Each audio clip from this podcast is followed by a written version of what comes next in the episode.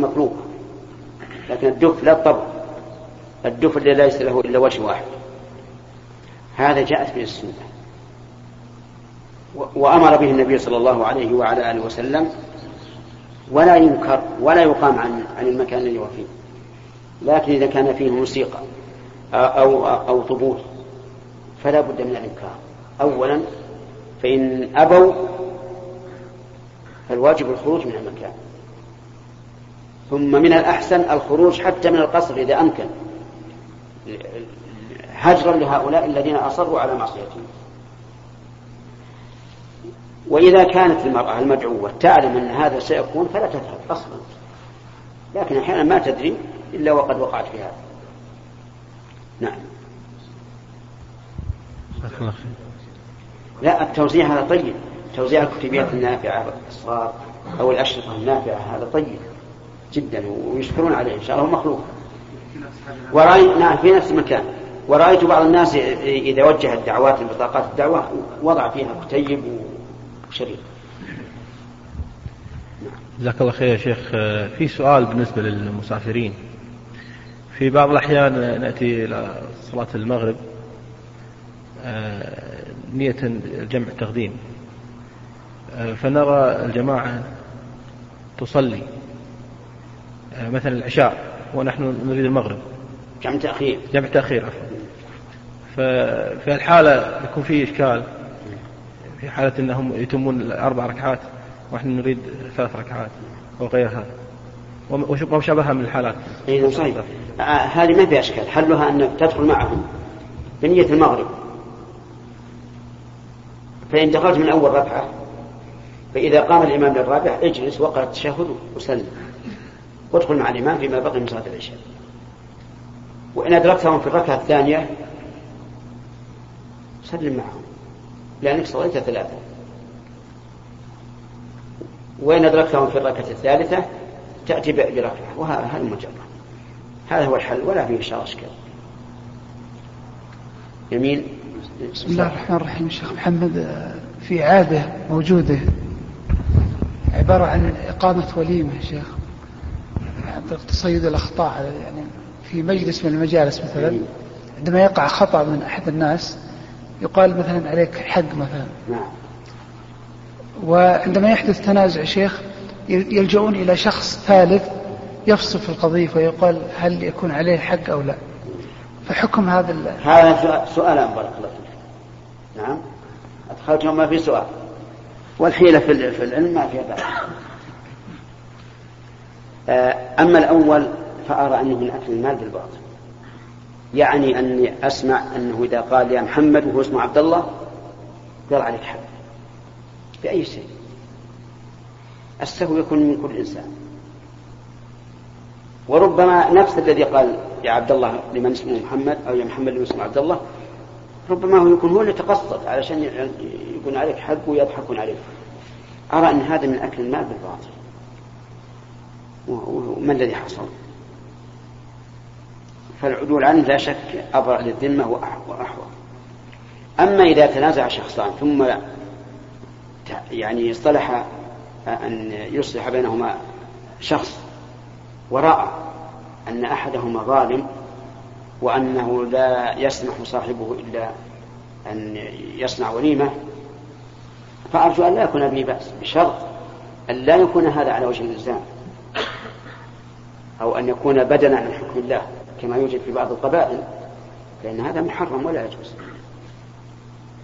نعم. الحمد لله. شيخنا في شبهة آه، يقولون أن الرسم القرآن الحالي أو جاء عهد الرسول صلى الله عليه وسلم غير منقط. والآن موجود الرسم الحالي منقط. فيقولون أن هناك يعني تلاعب والعياذ بالله في قضية. كيف عرف التاء والباء والثاء؟ فكيف الرد عليهم شيخ هذه يعني أن الرسم حالي منقط ومشكل آه، صحيح. وعندما نزع الرسول صلى الله عليه وسلم لم يكن كذلك. نعم. فيقال يعني إنها كيف ميزوا بين هذه الأحرف؟ نعم. هو اولا بارك الله فيك نرد على هؤلاء. إن القرآن لم ينزل مكتوبا كالتوراه التوراة. نزلت مكتوبة. القرآن نزل بالسماع بالصوت. فهمت؟ إذا ما هناك حرف معين منقط أو غير منقط فهو كلام يبقى على النظر في كتابته. الصحابة رضي الله عنهم حين كتبوه على عهد عثمان المصحف الموحد كتبوه حسب القواعد المعروفة في ذلك الوقت. حسب القواعد المعروفة في ذلك الوقت. وهي في ذلك الوقت على هذا الوضع ولذا على نفس الموضوع الموجود في المصاحف.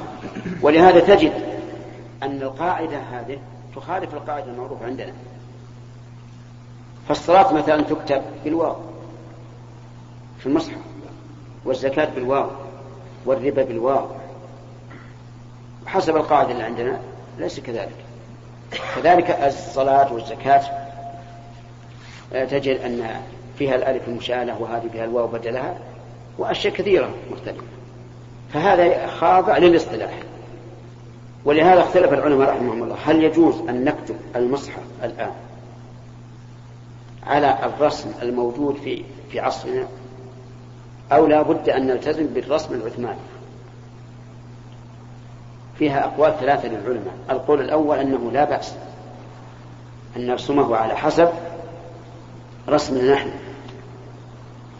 والثاني أنه لا يجوز مطلقا.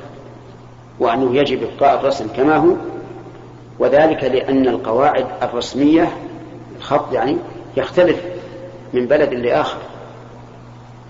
فالواجب إبقاء القرآن محترما. على ما جاء أولا والقول الثالث التفصيل.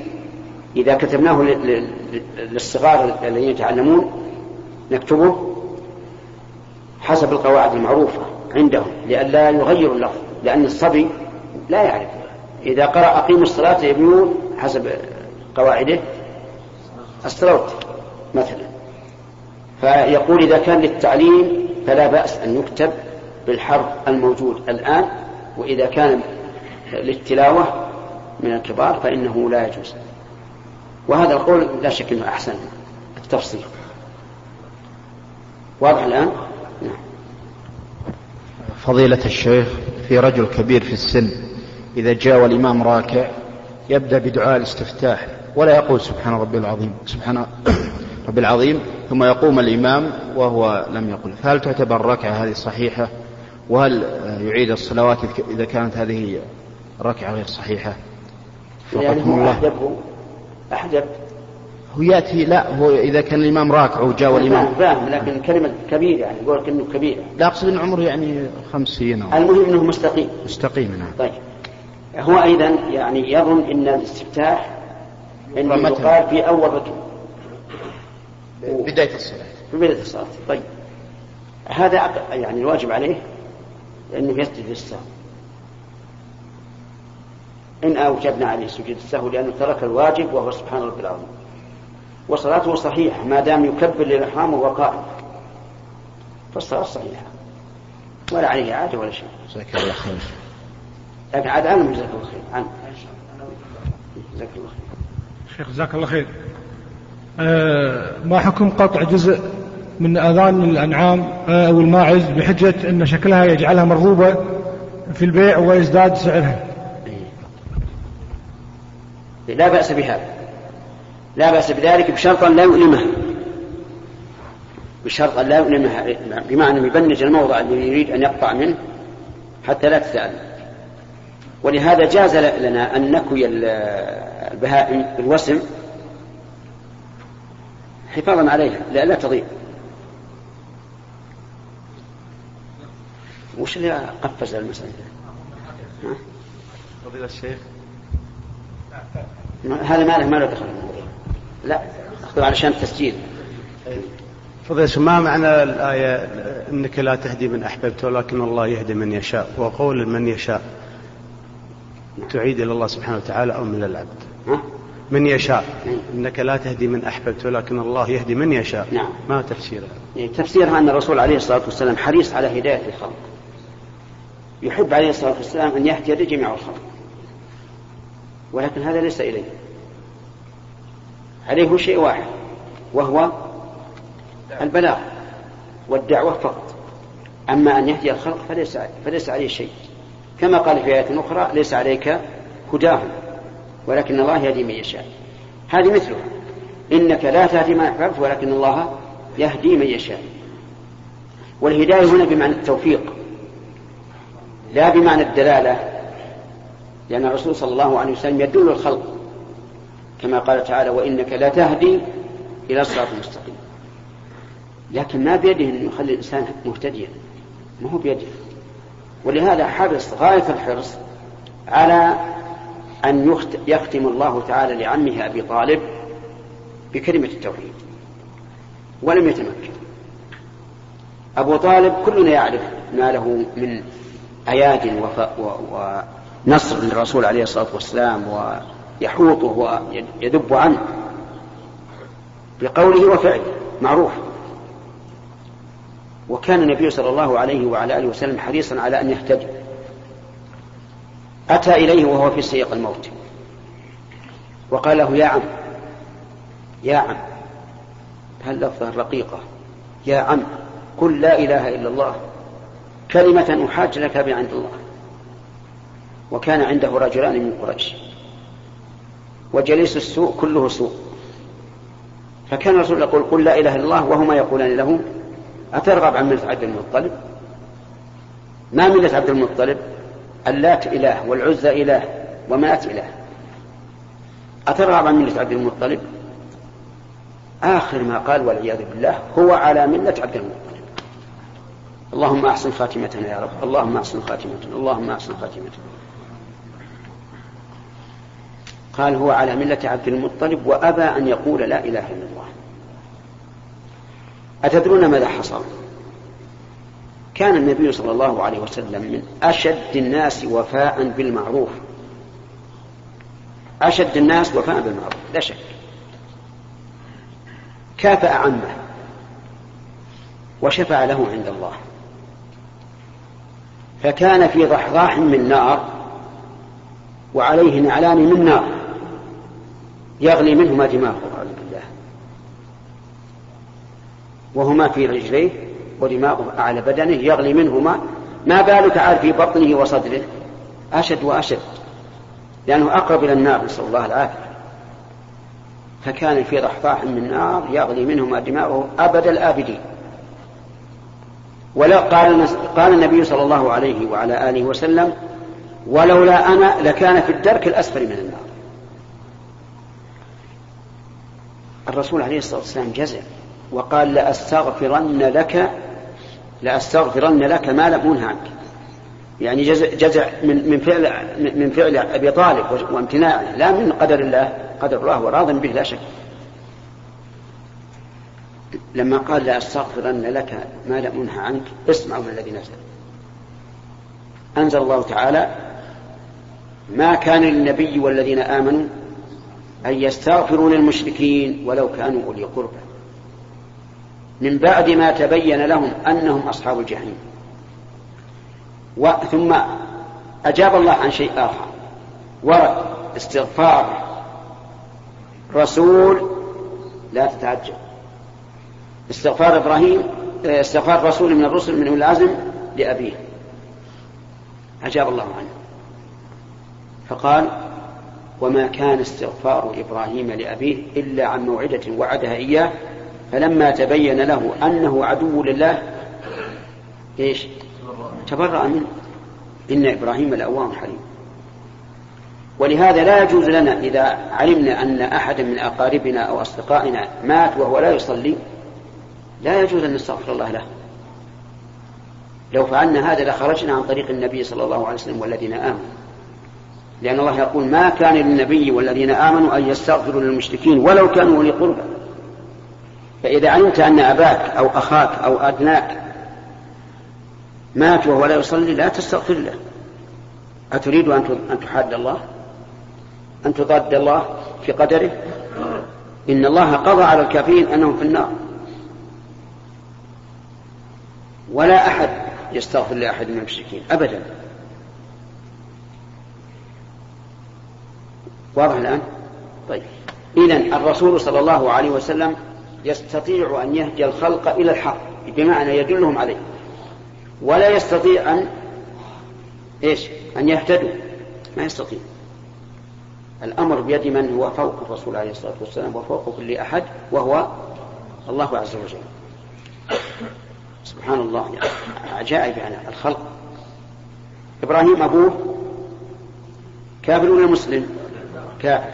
نوح ابنه كافر سبحان الله كافر خرج من رسول من أولي العزم. ورسول خرج من كافر من أولي العزم. ليتبين لك بذلك قدرة الله عز وجل وأنه على كل شيء قدير. اللهم اهدنا فيمن هديت. نعم. بالنسبة يا شيخ يا شيخ. سؤال يا أخي مرتب. هو عندك الآن السؤال نعم. طيب. بالنسبة للضابط في قلب الرداء بعد صلاة الاستسقاء أي نعم. هل يكون الشماغ بديلا الرداء إيش؟ الشماغ هل يكون بديلا للرداء؟ شماغ أي نعم. لا لا. ليس بديل منه أو الفروة؟ الفروة نعم مثل لأنها على البدن والمشلح أيضا. لكن الغترة لا. الغترة أشبه ما له في عهد الرسول. إيه؟ العمامة. فلا تدخل. في الحديث عندك؟ أي لأنه بدأ بدأ المسألة يقفزون. تفضل. حفظكم الله يا شيخ. آه، الحالات التي ورد ذكرها في حديث آه، أم كلثوم وحديث أسماء بنت يزيد التي يجوز فيها الكذب. هل المراد بالكذب آه، الكذب الحقيقي أم المعاريض والتورية؟ أي. وإذا كان حقيقي هل يقاس عليه المصلحة ودرع المفسدة؟ هو الكذب في, في ثلاث. وهي الحرب. الثاني حديث المرأة الرجل زوجته والمرأة زوجها. آه، بعض العلماء يقول هذا هو الكذب الصريح. لأن التورية تجوز في هذا وغيره. التورية تجوز في هذا وغيره. ومنهم من يقول إن المراد التورية. كما قال إبراهيم إنه يعتذر بأنه كذب ثلاث كذبات وهي كلها تورية. والاحتياط أن لا أن لا يقول إلا تورية حتى في الحرب. لا يقول إلا تورية ولذلك يقال أن عمرو بن ود أراد المبارزة مع علي بن أبي طالب رضي الله عنه. فلما خرج تعرفون المبارزة ولا لا؟ المبارزة إذا ألتقى الصفان طلبوا المبارزة. واحد منكم يبرز الواحد منا. لأنه إذا غلب أحدهما حصلت الذلة لأصحابه. لما خرج عمرو ود ليبارز علي بن أبي طالب. علي بن أبي طالب معروف بالذكاء رضي الله عنه. صاح به. ما خرجت لأبارز رجلين. ما خرجت لأبارز رجلين. وش اللي حصل؟ عامر بود التفت يحسب أحد. يحسب أحد لاحقه فلما التفت ضربه عن أبي طالب على رقبته خلص طيب هذه توريه زي... طيبة وفي الحرب. آه كذلك الإصلاح بين الناس. إذا رأيت اثنين متخاصمين تصلح بينهم يقول لا والله لا يذكرك إلا بخير وما أشبه ذلك وتنوي شيء آخر. أما حديث المرأة زوجها وحديث جاء احذر أن تكذب عليها. لا تكذب عليها.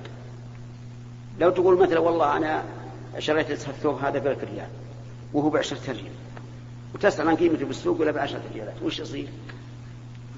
وش يصير؟ أجل ها؟ مشكل مشكل نعم. نعم. يحصل الضد. فلا تكذب عليه. احذر هذا. لا بأس تقول أني أحبك وأن أنت غالة علي وما أشبه ذلك لا بأس. وهي كذلك أيضا. وأيضا لا تحدث بهذا الحديث. إن حدثت بهذا الحديث أخذته بظاهره ثم صارت كل يوم تكذب عليك. فالظاهر لي والله أعلم أن المراد بذلك آه، التورية وأن الكذب الصريح لا يجوز إلا عند الضرورة القصوى.